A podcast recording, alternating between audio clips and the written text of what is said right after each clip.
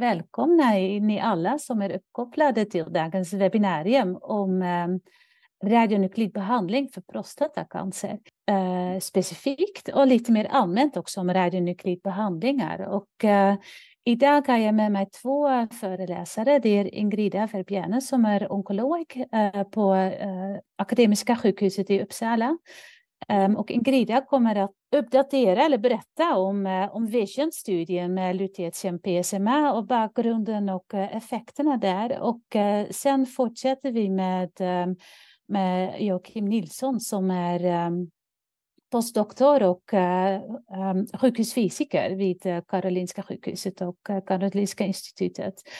Och um, jag tycker att det här är ett eh, väldigt relevant ämne och även, um, eller trots att vi inte kommer att komma igång med eh, uh, lutetium PSMA-behandling för patienter med spridd prostatacancer i Sverige, just nu i alla fall, uh, tycker jag att det är oerhört viktigt att få en inblick i, um, i studien, som ligger, studien som ligger till grunden till den här behandlingen, mekanismen. Um, och, um, men även mer ehm, om bakomliggande konceptet med, med radionuklidbehandlingen. Så jag är jättetacksam Ingrid och Joakim att ni ställde upp. Uh, och jag ger ordet till dig Ingrid för att börja och prata om, uh, om klinisk data framför allt. Hej Etienne, tack för att möjlighet att delta. Får jag bara säga en sak Ingrid innan du ja. verkligen får börja, men du får börja dela din skärm. Gärna ställ frågor via chatten i Q&A och uh, så att vi kan få en interaktiv uh, um, uh, dialog och lära oss ännu mer om, om det här ämnet. Varsågod Ingrid, tack. Hej, Ingrid Verbiene heter jag, arbetar på Akademiska och här på Akademiska vi har erfarenhet på lutetiumbehandling på neuroendokrina tumörer. Och nu är ju på gång lutetium för prostatacancer. Och i dagens eh, föreläsning jag tänkte ta upp, den heter lutetium PSMA för behandling av spridd prostatacancer. Det som jag tänkte ta upp det är framförallt i visionsstudien, men jag tänkte uppdatera lite om terapi och PSMA före, som kom precis nu på ESMO. Så jag ska prata om lutetium PSMA 617 och användning för metastaserad kastration refraktär prostatacancer, att alla vet vad det är, de bokstäver. Och då pratar vi om lutetium PSMA. Det patienterna har hört finns lutetium, lutetium PSMA. Men det som vi pratar specifikt idag, det är lutetium PSMA 617. Det är den som heter Pluvicto som har fått indikation för användning inom EU och som vi hoppas kommer till oss nu. Och vad är det för något? Då är det ju radioaktivt ämne som är lutetium. Och sen finns ligand som binder lutetium som heter i detta fall PSMA 617. Och liganden går mot target mot PSMA-protein, PSMA-receptor som är på prostatacancercellen. Så ser här, vi, här ser vi hur det kopplas och sen utlöser strålningen. Eh, och den PSMA-receptor är uttryckt på prostatacancerceller mer än i de andra celler i kroppen. Och när cancer blir kastrationsrefraktär, det är jättemånga sådana PSMA-receptorer. Upp till 80 procent av tumörer har överuttryck av de receptorer. Och eh, vi pratar om PSMA 617, det är den där. Det är ligand som heter PSMA 617, men det finns flera liganden, ligander som man använder idag för behandling med lutetium mot PSMA. Och det finns konkurrens som heter PSMA ENT som jättemånga studier på gång nu, som även vi deltar, som vi tror kommer också komma. Men idag är 617. Dagens föreläsning det var ju tänkt för att det kommer Pluvicto. Det är 617 PSMA. Den har fått marknadsautorisering i slutet av förra året. Det är Novartis som har den och eh, Ja, den heter Pluvicto och indikation som står i europeiska i EMMA godkännande säger att den är godkänd inom EU, inom EMMA, för behandling tillsammans med hormon eh, i tredje, fjärde linje. Det är kastration refraktära prostatacancer som har fått hormonell behandling, kastrationfas och cytostatika. Så den indikation är godkänd idag och den kommer om, när det kommer i Sverige. Det kommer till oss också. Och studien som ligger till grunden för den behandling, den heter godkännande av den behandling, den heter Vision och det är fas 3-studie. Och den presenterades på ASCO 2021. Och jag ska koncentrera mest på den studien och sen kort om de andra. Så det är stor studie och e e i den studien patienterna har fått två tredjedelar har fått behandling med lutetium och en tredjedel har fått i kontrollarm e eh, tillåten behandling. Den studien har sina starka sidor och sina svaga sidor. Det är studier som tog in patienten som var tungt behandlade. De har fått hormoner, de har fått taxaner, båda kunde fått taxoter och cabazitaxel.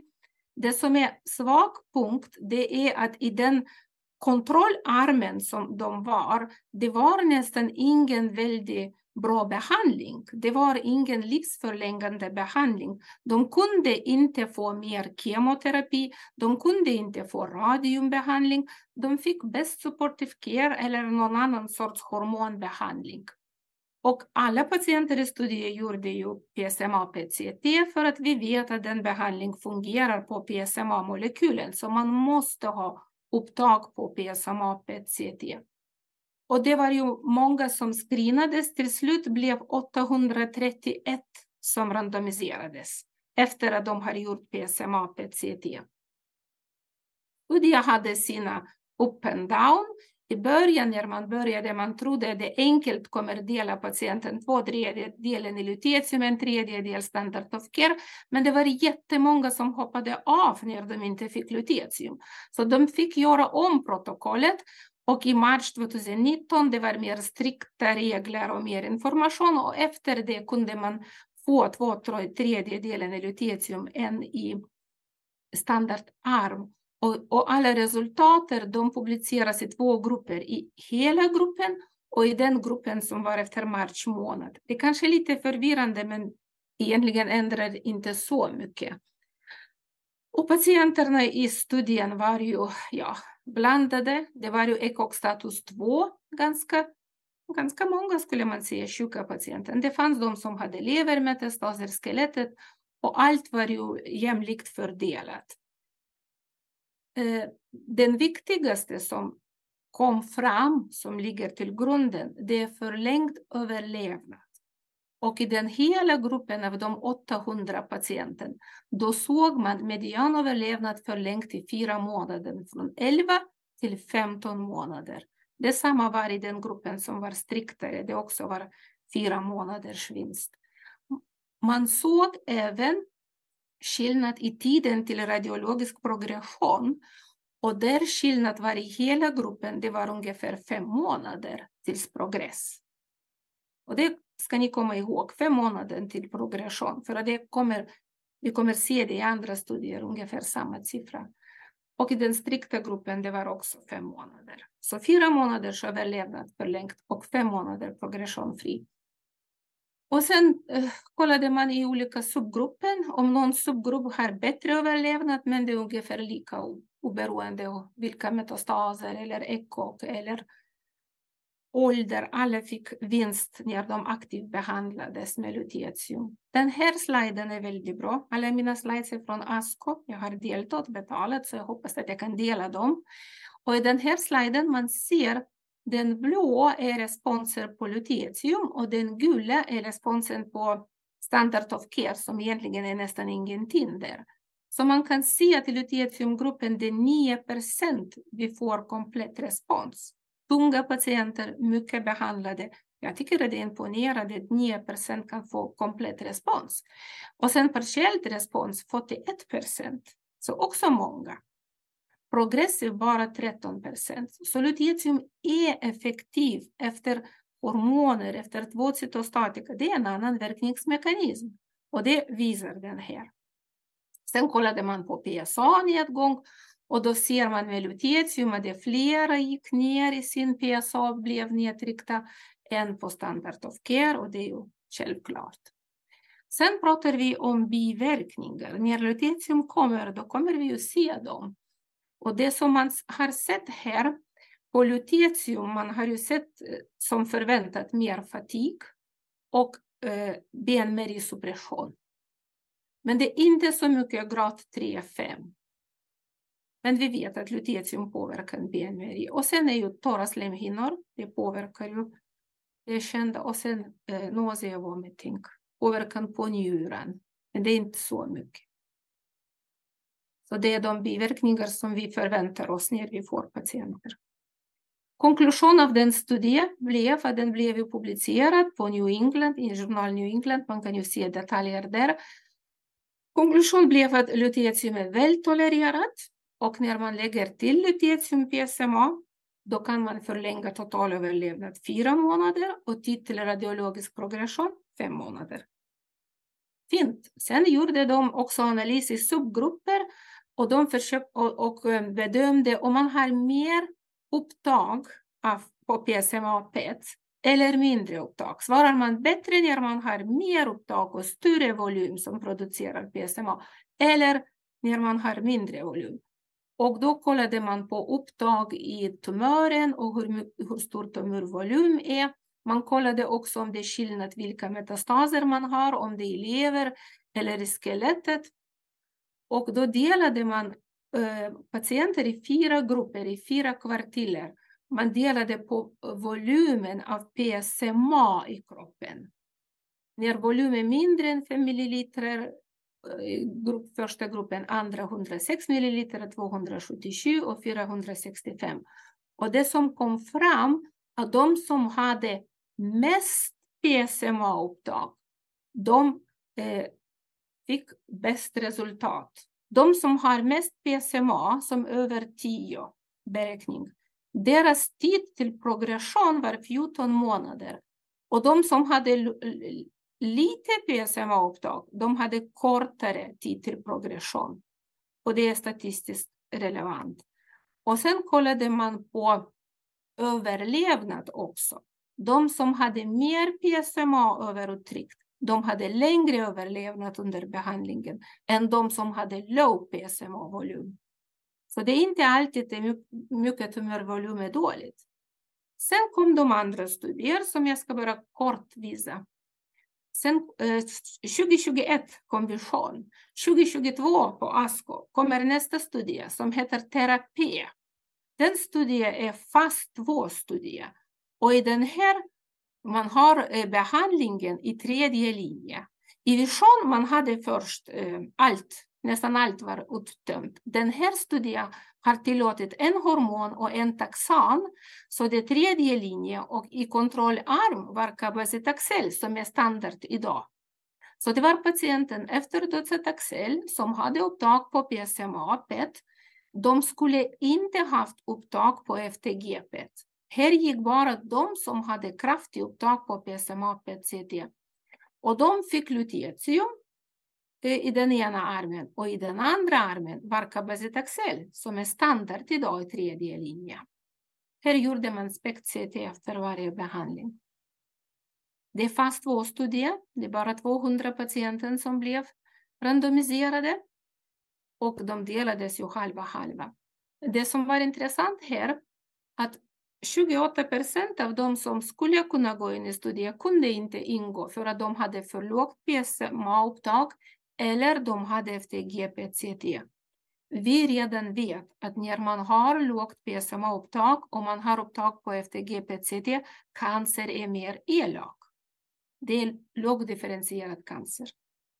Så man har sett, man har gjort SPECT-CT efter, under, efter behandlingar och man har sett fantastiska respons på många patienter när man ser att det avtar upptag enligt SPECT-CT och PSMA-CT.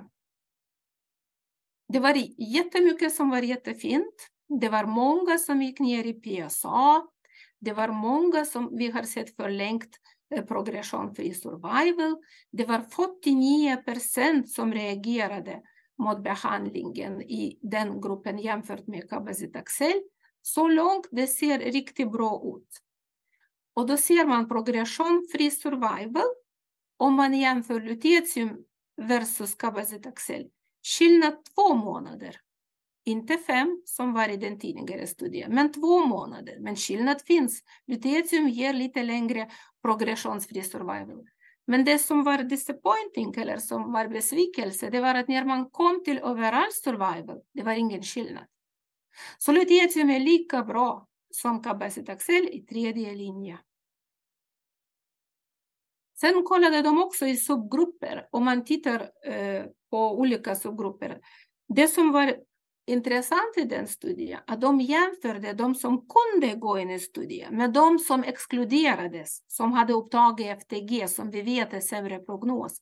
Och de kan tydligt påvisa att om man blev exkluderad, man hade sämre overall survival än de som kom in i studien, som hade PSMA-positiva tumörer. Och här ser vi överlevnad. De som var i studier, de har 18 månaders, 19 månaders överlevnad.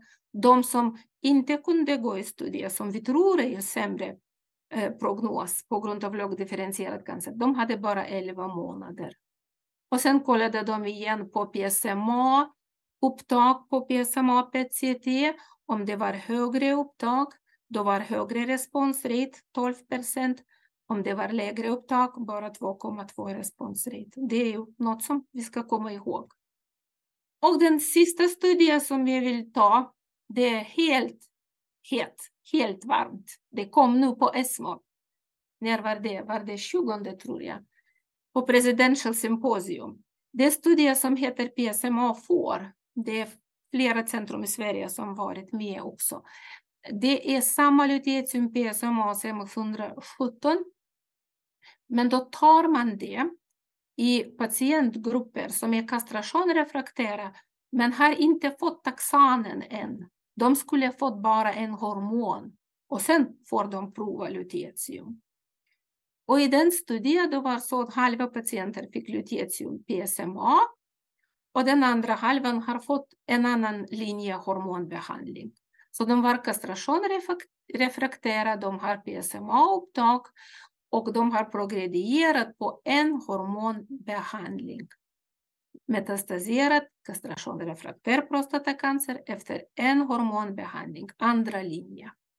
Och då såg man igen, om man tittar på radiologisk progression free survival, man har sett skillnad i de grupper.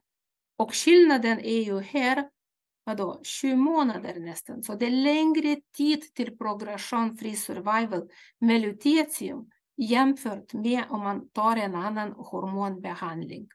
Här är ju fint, det visar att lutetium fungerar bättre.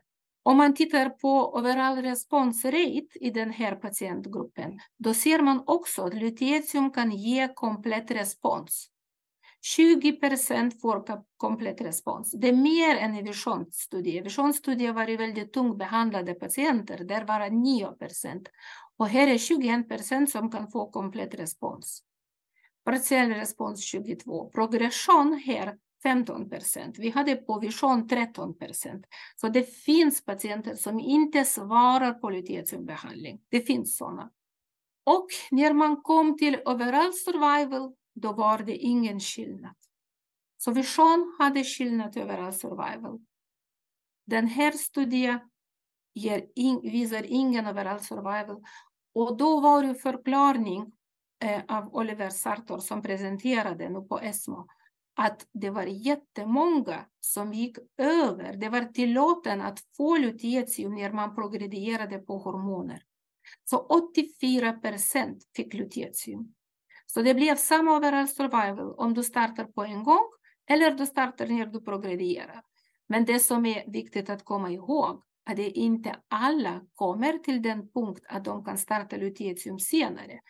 Ungefär 15 procent kunde inte gå över på lutetium. Så det finns mening att ge lutetium tidigare när de är i bättre form. Men det kan man diskutera. Och här gjorde jag sammanfattning av alla de tre studier. Och då ser vi vilka studier vi har. Det är de största studier som vi har. Det pågår jättemånga. Men det är den som är PSMA får, som var på ESMO, fas 3 i andra linje, när man har tidigare fått hormoner. Kontrollarm hormon change. Överlevnad 19 månader i båda armarna. Progression free survival längre. Högre responsrate på lutetium, 50 procent. Terapi, fast två studier i tredje linje när man har fått hormoner och taxoter versus cabazitaxel. Där har man också overall survival, lika i båda armar, 19 månader. Progression free survival, längre i lutetium. Lutetium är effektivt, 49 procent som startar. Eh, nackdel är att kontrollarm är så stark, så man ser ju ingen skillnad i resultaten. Och sen har vi den sista studien, Vision, som ligger till godkännande. Behandlingen fas 3 i tredje fjärde linje, tidigare fått hormoner, en till två taxaner. Eh, kontrollarm skulle vara någon ny hormonbehandling eller best supportive care. Skillnad i överlevnad fyra månader. Fyra månader är magisk siffra på prostatacancer. Taxoter ger fyra månader. Enzalutamid ger fyra månader. abirateron ger fyra månader i första linje på kastration refraktär prostatacancer. Så här har vi vinst, fyra månader, men det är vinst. Och vi ser vinst i progression, free survival, response rate, tung behandlad patientgrupp 51 procent. Nackdelen är att kontrollarm är väldigt svag. Det är stark kontrollarm i terapi, där ser vi ingen skillnad. Ja, och här har vi bild hur vi behandlar prostatacancer idag. Vi har cancer utan metastaser, hormonkänslig. Vi har cancer utan metastasen kastration refraktär. Vi har metastaserad cancer som är hormonkänslig och till slut har vi metastaserad cancer som blir kastrationrefraktär. Och där, och bara där, kommer lutetium nu. Den kommer sent, sent, sent. Det som kommer bli godkänt, det blir när cancer är generaliserad, kastrationrefraktär, har fått alla hormoner. Så, och den här är ju på gång, det är inte ens vi kan ge det. Framtiden är att vi ska prova lutetium mycket tidigare och det pågår studier redan. Oligometastatisk prostatacancer, cancerrecidiv efter stråleoperation, kombination, lutetium kombineras med hormoner och PARP-inhibitorer. För att eh, lutetium påverkar DNA-reparation och PARP-inhibitorer som man förväntar sig synergistisk effekt. Sen kombination med andra behandlingar. Sista slide det som pågår nu som är framtid. Vi pratar om radioligandterapi. Radioligandterapi. Radioaktiva ämnen kopplas till liganden, skickas mot target. Och där händer jättemycket. Target idag är PSMA, men det kommer nya target som är på gång studier. Ligand idag är PSMA 617. Det är PSMA ENT som går parallellt som kan bli godkänd. Och sen monoklona antikroppar och flera olika PSMA. Det, som, det pågår också studier med andra radioaktiva isotoper. Idag har vi lutetium, men det finns lit-212, actinium, bismut. Actinium redan används på Dokrates. Det är ju om lutetium är betapartiklar, actinium är alfapartiklar. De är mycket tyngre, de har mycket starkare effekt på cancerceller och mycket kortare eh, distans som det påverkar. Det var det. Tack. Stort tack Ingrida för en som du alltid brukar ha väldigt pedagogiskt och, um, och bra föreläsning. Verkligen tack. Jag hade en fråga kom inga frågor i chatt, chatten eh, än, men jag hoppas att ni som tittar kommer att skicka frågor. Men en fråga hade jag till dig, eh, Ingrida. Och det kommer väl Joakim också att, att um, diskutera vad gäller biverkningar och toxicitet. Men just um, framförallt den andra studien som du visade, terapi med lutetium PSMA versus Cabazitaxel. Och Cabazitaxel är mm. ju taxanbehandling har man utvärderat och rapporterat biverkningar och jämfört i båda armar? Absolut, absolut. Och det är ju mindre, det är bättre livskvalitet på lutetium. Mm. Jag har inte tagit livskvalitet i mina slides så mycket, men Nej. det finns ju överallt. Lutetium ja. är ju bättre livskvalitet för patienter. Det är ja. det. Ja. ja. För det kan vara ett, ett annat argument att um, Det kommer en fråga. Några kollegor här på Sankt Görans undrar vad, vad du, Ingrid, tycker om kontrollarmen på BSMF4. Så tredje studien som du diskuterade, andra linje efter. Ja, det, det är inte så stark kontrollarm, absolut inte. Absolut inte. Men det är många studier som pågår.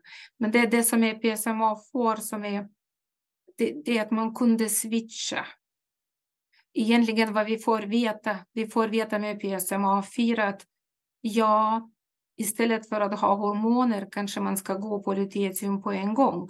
Men det svarar inte om vi ska ta Taxoter eller PARP-inhibitorer. Mm. Det, det, det, är flera frågor. Det har ju, det har ju varit jättediskussion där också. Vad, vad, vad ska vi välja först? Och det där är ju bra med vår svensk probiostudie, svensk och svensk internationellt, som Sankt Göran eh, har organiserat. För i den studien provar vi ju och vi försöker ju hitta vad är rätt första behandling. Om alla ska förlänga fyra månader, vilken ska vi välja? Mm. Och hitta skräddarsydd behandling. Vi hoppas att vi får lutetium i den studien. Vi, vi verkligen hoppas att vi lyckas, att de lyckas att få in det. Mm. Kanske i kombination med PARP-hämmare. För att jag tror att det är mycket starkare synergistisk effekt då. Ja, det är konceptuellt äh, känns det väldigt logiskt att kombinera. Ja. Um, en annan mer kommentar från Q&A kontrollarmen i PSMA4 är ju i princip placebo, men instämmer i att 20% komplett respons är mycket bra. Um, och, och, det var vad du också var inne på, Ingrida. Ja. Och då kom en andra fråga, men den föreslår jag att vi tar efter Joakims föreläsning. Vad tänker ni om beta versus alfastrålare och effekt mm. samt AES? Men ska vi ta den efter du har pratat, eh, Joakim? Vad tycker du? Eh, det kan vi göra. Jag kommer inte gå in så mycket på alfastrålare har jag inte tänkt, men, men eh, vi kan ta den efteråt. Det kanske ja, eller vill ni säga några ord om, om det där skillnaden nu? Du var inne på det Ingrid, med ja. alfa versus betastrålare. Är, är, det, är det massan, är det 80 gånger eller hur många gånger är tyngre? Det, ja, det, det, är många tusen gånger tyngre och det gör ju att räckvidden blir kort, precis som du säger. Och man får ju en väldigt kraftig, liksom, eh, ska man säga, tumördödande effekt eftersom de trasar sönder DNA mycket mer effektivt. Eh, men problemet är då att man inte, man måste i princip vara i, i varje cell, cancercell. Har man en inhomogen tumör till exempel så, så når det inte speciellt långt. Man bestrålar inte omgivningen liksom. Så det, det finns ju både teoretiska och eh, reella eh, evidens som visar på att man kanske behöver både och. Men alfa har ju definitivt mer potens, potential. Ja. Det kommer en fråga, men den är svår tror jag, Ingrid. Men du får försöka svara medan, du, eh, medan Joakim eh, delar sina slides. Frågan är vad, vad tror du krävs för att lutetium kan börja ges som standard till våra prostatacancerpatienter i Sverige? Ja, jag, jag, jag, jag vet inte allt, men som jag tror det behövs att lutetium kan och det radioaktiv lutetium kan framför allt produceras i de mängderna som världen behöver. För att just nu är problem med produktion. Mm. Och sen självklart, det behövs ju att, att eh, vi får rimlig pris. Och det är ju inte i våra händer. Och vi, vi måste ju tänka om framtiden. Det är ju jättestora pengar. Men jag håller med att det är tiden bara rinner och ja, patienterna kan inte vänta. De, de, det är ju flera som inte kunde vänta och inte finns längre. Men ja. vi kan inte påverka så mycket. Nej, det är inte vi som... Men det är vi som träffar de patienterna och ser ja. effekterna av, eh, av aktuella situationer. Men, men man, låt oss... komma, man ska komma ihåg att det är inte något mirakelbehandling. Nej. En till behandlingsvariant. Vi har många bra behandlingar. Ja. Och det ska vi komma ihåg. Det tycker jag är ett väldigt eh, relevant eh, tillägg, Ingrida. Um, ska vi fortsätta med dig, eh, Joakim? Du har ju mycket erfarenhet också med, med lytaterad behandling för neuroendokrina tumörer och radiojod. Uh, och du kommer att berätta oss onkologer som troligen inte har så mycket erfarenhet med sådana behandlingar om uh, med praktiska detaljer också, eller hur? Ja. Varsågod, tack att du ställde upp. Tack snälla Renske tack för att eh, jag får prata här. Um, nej men precis, jag, jag jobbar som fysiker på Karolinska och, och vad gör man då? Jo, en del av oss jobbar ganska mycket med radioaktiva behandlingar då. Så jag tänkte jag, jag slänger in lite om eh, fysik så att man får ett grepp om vad det här är för typ av behandling. Eh, men också en del praktik så att ni som inte har sett eh, hur det här går till på nära håll kan, kan få en chans att få lite inblick. Eh, vad som är annorlunda och vad som inte är kanske så dramatiskt som det kan låta med radioaktivitet rakt in i patienter. Eh, så jag tänkte prata om behandlingar i stort, eh, hur det går till praktiskt. Eh, vad gör man när patienten är radioaktiv, i alla fall lätt radioaktiv? Hur beter man sig och hur beter de sig? Och hur jobbar man med de här behandlingarna? Och sen tänkte jag nämna lite det vi har pratat om nu, eh, eh lite mer vilka doser man kan förvänta sig till tumörer och till eh, riskorgan eller vad man ska kalla det, risk för biverkningar eh, vid de här behandlingarna. Så här ser ni två bilder. Så här ser läkemedlet ut när det kommer till oss i studieform som det har gjort eh, hittills. Det är en liten ampull som ser ut som vilket annat läkemedel men den kommer i en specialburk här. Och till höger ser ni vår uppställning. Men Jag kommer tillbaks till det. Eh, men, men, grunden till det här är väl egentligen att, att vi på 30-talet eh, av olika anledningar, kanske mest eh, intresserade av att bygga kärnvapen och annat, så lärde mänskligheten sig hur man producerar radioaktiva isotoper. Eh, och det ledde till en, en, del behandlingar som faktiskt hänger kvar fortfarande. Som Renske sa så behandlar vi med radioaktivt jod. Eh, och det gjorde man från, från med 40-talet när man insåg att det hjälpte mot sköldkörtelcancer. Eh, men det har hänt en del de senaste 10, 15, 20 åren där, där fler behandlingar har blivit eh, både godkända och, och forskas på och produktionen av det här har väl ökat. Och vi har också blivit bättre på att designa sådana här molekyler som, som faktiskt kan söka sig till rätt ställe i kroppen. Men kliniskt nu så, så de isotoper vi använder mest är jod 131 och lutetium 177 som precis som Ingrid sa är betastrålare. Siffrorna i det här eh, är ju masstalet, alltså det är antalet protoner och neutroner. Så att man, det finns ett lutetium 176 också som visserligen också är radioaktivt men har lite andra egenskaper. Så därför man har alltid med siffran liksom, för att beskriva vilken typ det är. Man producerar det här i kärnreaktorer. Man behöver ha eh, neutronflöden för att, för att skapa de här betastrålarna. Eh, och även i våra kärnkraftverk i Sverige så, så bildas det visserligen mängder av sådana här isotoper, eh, bland annat jod 131. Men de som används för medicinska ändamål produceras i specialdesignade reaktorer kan man säga, där det är lätt att plocka ut de här isotoperna och, och rena och, och få ut eh, produkter av det. Så att, visst, man skulle kunna gräva djupt i, i Forsmark och hitta lite radioaktiva grejer, men, men det skulle vara ganska krångligt och kanske lite, lite farligt också att ta ut det den vägen. Här finns det en bra referens om man tycker det är jättespännande att, att läsa på mer om det här. En bra reviewartikel om vad som har hänt de senaste 20 åren. Eh, men lutetium 177 då, det är en variant av lutetium, det är en radioaktiv metall. Ehm, och till höger här ser ni själva molekylen. Det, det här är då 617 som Ingrid har pratat om. Det finns konkurrenter till den här. Men den här eh, målsöker då mot eh, eh den här receptorn för PSMA. Men det man gör i princip det är att man, ni ser eh, uppe i vänstra delen här så, så finns den här lutetium 177 och det här kallas för ett kelat. Här låser man in den här radioaktiva isotopen. Eh, och där sitter den fast kemiskt. Liksom. Så att man har sin, sin molekyl som inte är radioaktiv. Man tar sitt radioaktiva lutetium och sen via kemisk väg så, så låser man in den här. Och det är det som blir själva strålkällan då.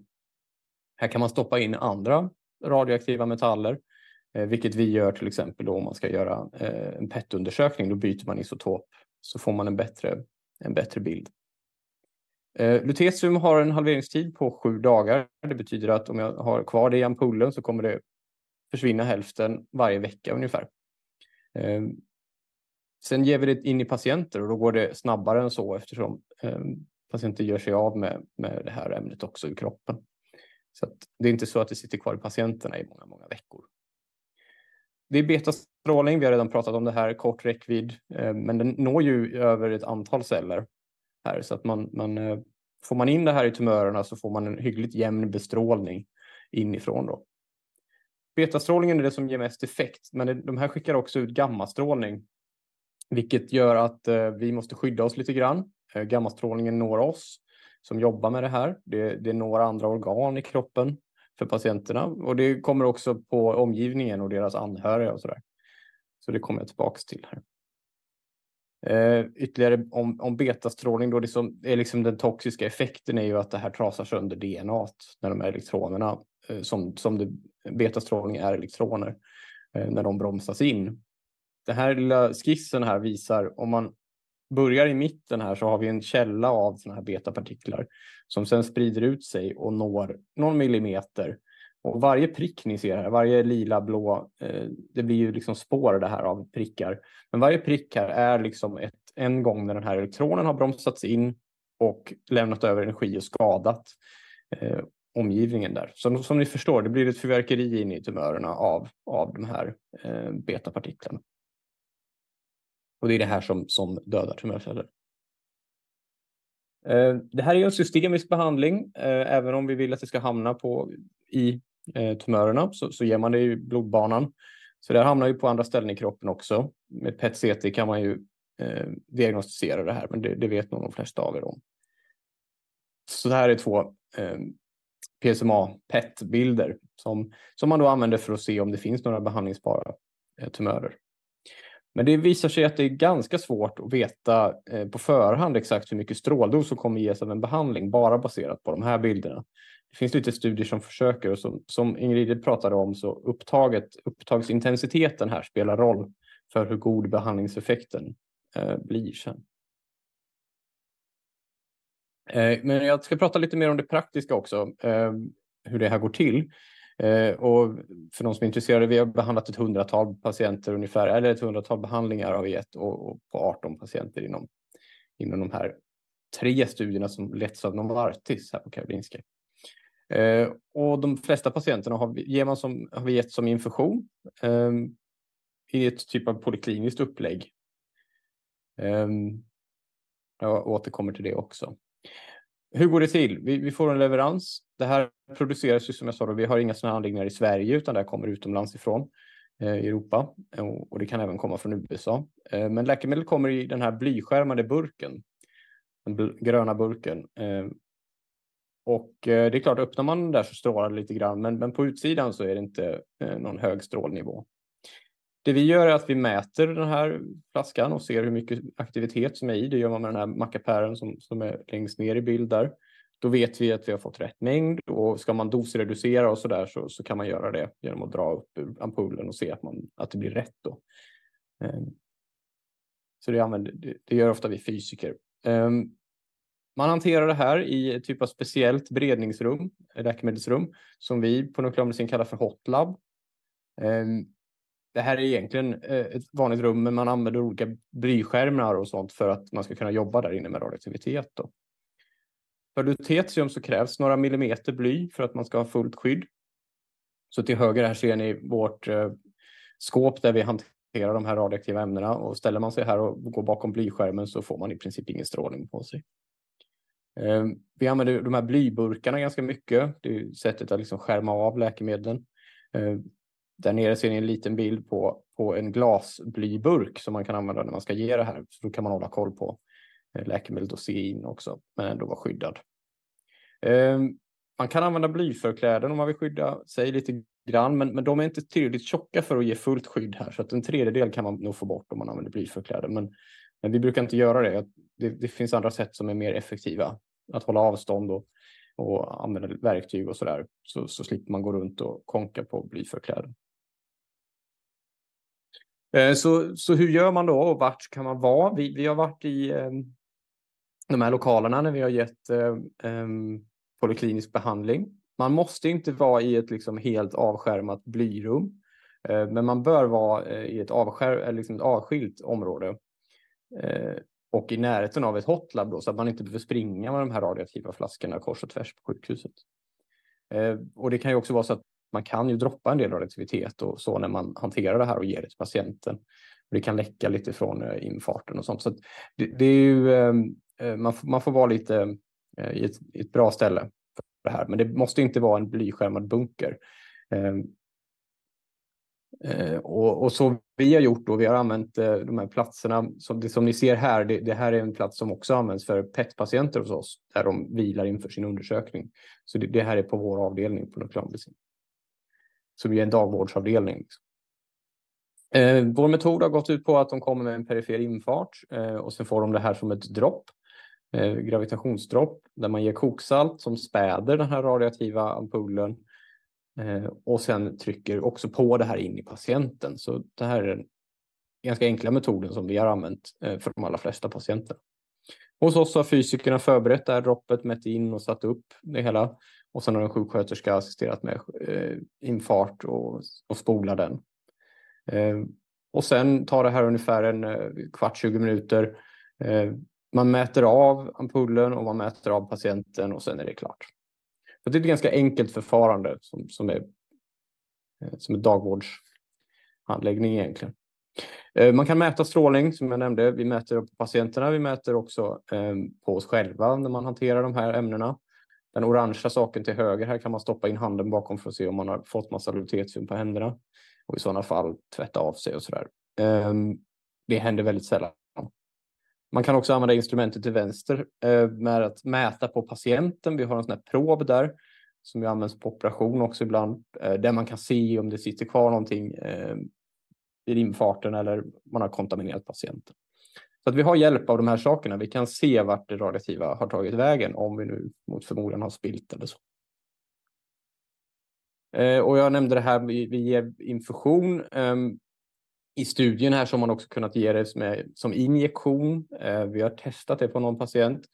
Eh, men eh, det finns ju för och nackdelar. Det kan gå lite snabbare. Men det, vi, vi, har insett att det ger lite högre doser till personal och eh, till alltså, dels oss som måste dra upp de här sprutorna och de sköterskorna som, som sen ger det, för det ska ges med en viss hastighet. Det är inga skyhöga doser, men, men det blir lite annorlunda handläggning. Det kan vara bra att veta att båda alternativen finns.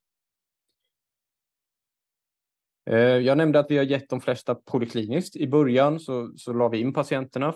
I Vision-studien så hade vi också lite mer krav på man skulle kyla spottkörtlar och liknande Eh, i några timmar efteråt. Så då blev, då blev det helt enkelt så att de stannade kvar på sjukhuset. Eh, men sen har vi gått över till att ge poliklinisk behandling. Eh, det är möjligt för de allra flesta patienterna. Det vi har att förhålla oss till är väl egentligen att de får lite restriktioner för hur de ska bete sig efteråt. Eh, och det är baserat på hur mycket de strålar på sina anhöriga och på eh, allmänheten på vägen hem. Då. Ehm, och hur vet man det? Jo, vi kan ju också mäta på patienterna då för att se hur mycket de strålar. Den vänstra grafen här visar våra egna mätningar på, på patienterna som vi har haft inne. Enheten här är inte så viktig, men det ni kan se är att, att man går ner här från eh, 22 till 7 på, eh, över natten. Då. Så att det här går ur patienterna ganska snabbt. Framförallt genom att de kissar ut det som, som liksom blir över. Eh, så utifrån det här har vi eh, upparbetat lite eh, rutiner för vad vi ger för råd till patienterna när de går hem direkt och så. Till höger är från en annan studie som har tittat på samma sak. De, de ser liknande fart på avtagandet här. Så att eh, vi känner oss ganska trygga med att kunna skicka hem de här patienterna med lite restriktioner då. Och hur, hur ser det ut? Jo, det finns ett antal lagstadgade eh, krav för hur mycket man får stråla på andra efter sådana här behandlingar. Och räknar vi på det så har vi landat i att vi tycker att de bör hålla sig och sova separat hemma en, ett, en natt och sen hålla avstånd till andra vuxna under första dygnet efter behandlingen. Då. Ehm, och sen ska de inte träffa några barn eller gravida under två dagar efteråt. Men av eh, naturen här och patientklientelet så brukar det här vara ganska lätt att eh, uppfylla. Så att vi, vi har kunnat eh, skicka hem de allra flesta patienterna med det här, med de här restriktionerna. Då. Eh, och patienterna är ofta motiverade att, att komma hem, får man säga. Vi har inte haft några egentligen tillstötande eh, komplikationer som gjort att de måste stanna eh, under de här studierna heller. Okej, okay, så det var en del praktiskt. Jag tänkte bara nämna i några få slides på det sista här att um, hur man räknar på stråldoser med de här behandlingarna. Många av er är bekanta med extern strålbehandling där man eh, med, med ganska hög precision bestämmer vilken stråldos man ska ge förhand och eh, anpassar eh, behandlingen fullt ut efter det här. Vi har inte riktigt samma lyx inom nuklearmedicin. Det är svårare att mäta exakt, men det finns syften i att göra det här även inom nuklearmedicin då. Och det är väl egentligen två saker. Dels för att veta att man kommer upp i tillräckligt bra tumördoser. Fortfarande oklart för oss vad det är för just PSMA och prostatacancer, men, men vi kommer nog lära oss det om, om några år. Eh, och också att undvika toxicitet på grund av att man ger för mycket stråldos till andra riskorgan. Då. Här finns det en bra, eh, också en reviewad översiktsartikel som jag har länkat till där nere i Lancet Oncology om man tycker det här låter spännande. Hur går det till? Man ska räkna stråldoser inom nuklearmedicin eller efter PSMA-behandlingar. Jo, man, man tar eh, bilder på vart radioaktiviteten har tagit vägen och hur mycket. Och det här var ju eh, Ingrid inne lite på att eh, upptaget här, upptagsstyrkan eller intensiteten är ganska tätt kopplat förmodligen med hur det går för de här och hur mycket de svarar på behandlingen. Så det är väl det som, som vi är ute efter, att, att kunna kvantifiera det här på ett bra sätt. Visst, vi har en PET, men den tas väldigt snabbt efter man har gett det här. Och det är intressant att veta över längre tid hur mycket av det här sitter kvar och vilka stråldoser blir det. Man tar ett antal bilder, här har vi dag 1, 3 och 7 och det man ser är att tumörupptaget här, nu är det här en neuroendokrin tumör, men det spelar mindre roll för man ser att tumörupptaget här i lever, metastaserna, klingar av, men aktiviteten som man kan se i njuren här Eh, på den första bilden är i princip borta här på dag tre och dag sju. Så det är det här som är intressant för oss då. Vad blir det för doser till eh, njuren som är riskorgan och till tumörerna som är vårt mål? Det här görs ofta av fysiker om, om ehm, man ska sätta igång en sån här procedur. Eh, och sen min sista slide här är vilka tumördoser och vilka andra doser man kan förvänta sig efter PSMA-behandlingar. Det finns redan en hel del data på det eftersom en del har gjort det i samband med olika studier. Eh, och tumörer som, som man kanske kan förvänta sig så finns det ett spann här eh, från lägre till högre. Förmodligen har alla de här patienterna haft positiva upptag på PET, men ehm, det skiljer sig ändå ganska mycket i vad de får för tumördoser. Här har vi skrivit per gigabecquerel då en behandling är ofta 7,4 eller något liknande eh, gigabecquerel. Så man får multiplicera lite för att få sina behandlingsdoser. Eh, biverkningar vet vi ju att det är muntorrhet och, och eh, kanske även problem med tårproduktionen och, och det förklaras av de här ganska höga doserna till de organen. Man har inte sett att det ger någon nytta att kyla sportkörtlar som man gjorde i början på Vision. Eh, det, det har väl motbevisat får man väl säga. Tårkörtlar kan vara svårt att uppskatta. Vi ger även dos till benmärg och njurar och det är väl det man ser i toxicitetsdatan också. Så det här är storleksordningar som man, vad man kan förvänta sig för doser. Har vi, ehm, ja. Så sammanfattningsvis, eh, det här är en ganska enkel behandling. Eh, visst, det är en radioaktiv behandling och det finns li lite speciella krav. Ehm, men jag hoppas ni har fått en bild av vad, vad det här innebär. Eh, patienterna brukar överstå det här väl och kan nästan alltid gå hem direkt om man planerar och ger dem eh, restriktioner på förhand så de har chans att planera sin, sin vardag hemma. Och, så eh, och de här stråldoserna då som vi, som vi kan mäta med olika metoder och som vi förhoppningsvis får ganska bra data på snart kan användas för att styra behandlingen på sikt. Så det var det jag tänkte gå igenom. Jag vill tacka för er uppmärksamhet. Ja, men stort tack själv Joakim för en alldeles utmärkt föreläsning. Väldigt informativ. Det, det, är två frågor i chatten. Jag vill också ställa en fråga till er båda, tror jag, eftersom ni båda har träffat patienter som behandlades med det här preparatet. Men vad, ehm, hur går det för patienter? Vad, vad upplever de uh, vad gäller biverkningar? Hur mår de under och efter behandling? Jag har inte träffat många, men så mycket vi vet om neuroendokrina tumörer, det, med, det är inte så farligt med biverkningar, bara muntorrhet. Det är det som ja. de upplever. Jag har hört att på Dokrates de ger något att suga, något isbit eller något och de har mycket mindre biverkningar på sportkörtlar. Jag vet inte om det är sant eller något, men i alla fall det är den problem som de upplever. Ja, men precis, jag, känner igen det också. Och det, är ju inte så att de biverkningarna kommer direkt efter behandling, då, utan det brukar utvecklas över tid, liksom, att, att man får problem. Eh, så vitt jag har kunnat hitta så finns det ingen bra evidens för det här med att kyla och, och eh, för spottkörtlarna. Mm. Men det är möjligt att de sitter på mycket data som inte jag känner till i och för sig. Um, nej men det, det, och en del blir ju pena och sådär och vi har haft dosreduktioner på en del patienter men det är inte jättemånga som vi har dosreducerat eh, hos oss i alla fall i studierna. Så ja. Relativt god livskvalitet och det tror jag mm. återspeglades mm. även i din data där som du visade. Ja, i flera studier. Ja. Relativt skonsam behandling.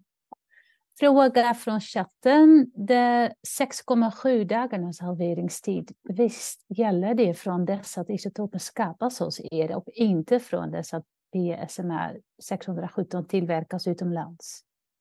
Just det. Um, ja, men det är väl egentligen så att man producerar ju eh, lutetiumisotopen då i den här reaktorn och det, tyvärr har vi ingen egen produktion av det utan det, det skeppas också utomlands ifrån.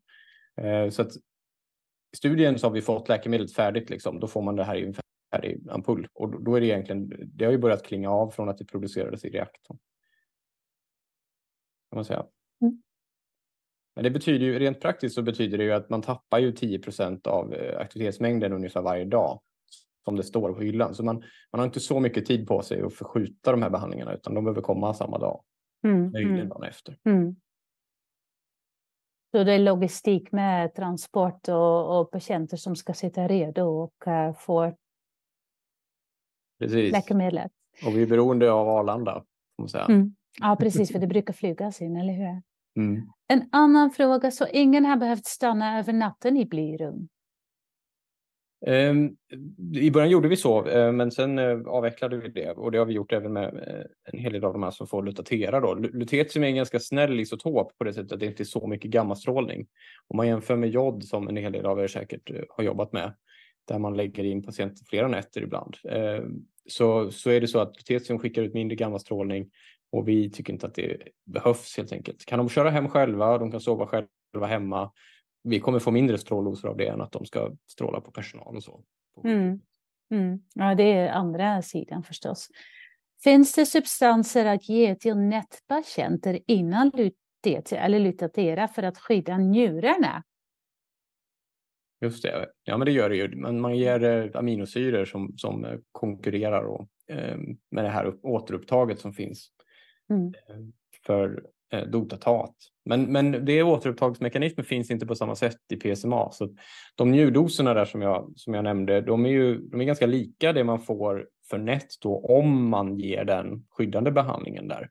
Om man inte ger skyddande behandling för NET-patienterna då kan man få faktor två, nästan tre gånger högre doser för njurarna. Och eh, ökar risk för njurtoxicitet av behandlingen. Mm. Eh, en till fråga, munskölj med kortison för PSMA. Jag har inte hört om sånt. Men varför inte? Ja. Jag, skulle inte skulle svårt förstå mekanismen. Ja, det, eh, nej, precis, men det, det ska vara konceptet av mykosit och uh, vad vi ser med, med cytostatika eller till exempel ja, mTOR-hämmare. Ja, det är inte nej. här. Nej, det är påverkan på spottkörtlarna som leder till muntörhet och munproblem, eller hur? Ja. Mm. Och jag ställer fråga, eller har vi fler frågor? Nej, varsågod Ingrid, gärna. Ja, om produktion av lutetium. Det är det som det är följt, följt fråga till min fråga som jag har fått. Om vad krävs det för att vi ska ge lutetium till våra patienter? Det är att producera radioaktiv lutetium. Vad är det som begränsar det? Jag vet att vi har pratat att man skulle kunna producera här på Protoncentrum i Bunker. Men eh, hur kommer, hur kommer litium? Vad måste man ha? Är vi beroende av gruvor någonstans? Eller hur, hur kommer det upp litetium? Ja, nej men precis. Nej men man producerar ju det genom neutronaktivering då, eller genom neutronflöden som, som skjuter och det här borde jag kunna. Um, men det ser de att de kan göra här på Protoncentrum i de generatorer som de har. Men behövs ja. det något naturligt lutetium från någonstans? Eller? Nej, nej, utan det är ju en annan isotop då som man eh, bestrålar egentligen. Um, så vitt jag vet. Det finns ju olika vägar att göra isotoper på och jag är tagen på bar gärning här, men frågan är om det är hafnium som man strålar med neutroner en viss isotop då av en annat ämne. Eh, så det är jag ingen expert på, men, men jag vet ju att det, det är få produktionsanläggningar som finns i Europa. Ehm, och Sverige har ju inget att tillföra tyvärr. Men det är som du säger, visst, man kan säkert producera mindre mängder i protonanläggningen i Uppsala och man kan nog producera det i en vanlig cyklotron också som vi har för PET. Men då är det ofta svårt att komma upp i höga mängder. Här behövs det ju ändå en hel del. Liksom. Som räcker för klinisk användning och inte konkurrera med andra isotoper som också behövs för diagnostik. Mm. Ja, så tyvärr har jag inget eh, bra svar på kort varsel där. Jag ska forska på det. um, två frågor till och då, sen tänker jag att vi avslutar. En fråga, så försök att svara kort om ni vill. Hur tänker ni när det gäller er metodik för dosimetri och SSMs krav på individuell planering av stråldos? Ehm, ja, jag kan svara först. Vi har ju gjort det här i studier och vi har ju inte gjort någon dosimetri inom studierna för att eh, det inte ingår helt enkelt. Eh, vi funderade på det, men sen, sen tänkte vi att vi fokuserar på annat. Ehm, men det är ju som du säger, det finns ett krav på att man måste planera varje sån här behandling eh, inför. Eh, jag har svårt att se hur det ska gå till rent praktiskt. jag tror att det finns en del att hämta i. Det finns ju några studier som visar att man ganska snabbt kan se efter första och andra behandlingen med lutetium PSMA om det är sannolikt att de kommer svara väl och att det finns ett smart sätt att räkna stråldoserna där och kunna anpassa om man ska fortsätta eller avsluta och sådär. där. Eh, så det, det kan jag tänka mig att men om det uppfyller SSMs krav, det, det får de svara på. I Uppsala vi har en tradition att göra dosimetri och våra fysiker, jag är inte fysiker, men våra fysiker, jag tror att de tycker att det är väldigt viktigt krav och det är för bra behandlingskvalitet och för dosering de, de tycker, som jag vet, att det är väldigt viktigt. Men det är olika kapacitet, olika möjligheter på olika eh, sjukhus. Men vi, vi, vi kommer göra mm. symmetri, som jag vet. Um, sista fråga, görs gallium 68 för PSMA PET lockout? Uh, jag tar den bollen också. Uh, Nej, men där, där är det så smart att man har en annan isotop eh, som heter germanium 68 som, som har lång livstid. Sen stoppar man den i en låda och så när den sönderfaller så blir det gallium 68. Så då kan man liksom gå in och, och plocka ut det här med jämna mellanrum från den här lådan eh, och då blandar man upp och gör PSMA PET med den. Liksom. Man får gå och hämta det liksom innan man ska göra sin syntes. Och den där kan räcka i ett år eller något sånt där, en sån, en sån burk. Så det är mycket mindre kritiskt bristvärde än uh, lutetium 177? Ja, det mm. kan man ju liksom veta. Man kan ha planerbar produktion i alla fall. Ja, fint. Stort, stort tack Ingrida och Joakim för ett väldigt lärorikt och informativt eh, webbinar idag. Och jag hoppas att vi alla kan vidareutveckla vår erfarenhet med, med det här preparatet när det finns möjlighet att göra detta även här i Sverige. Um, tack alla som tittade och lyssnade och um, tack för frågorna i chatten. Och det blir nästa webbinar om gynonkologi den 6 eller 7 november, på en tisdag i alla fall. Det kommer en kallelse via Mediahuset. Stort tack för mig. Hej då! Tack. Tack och hej.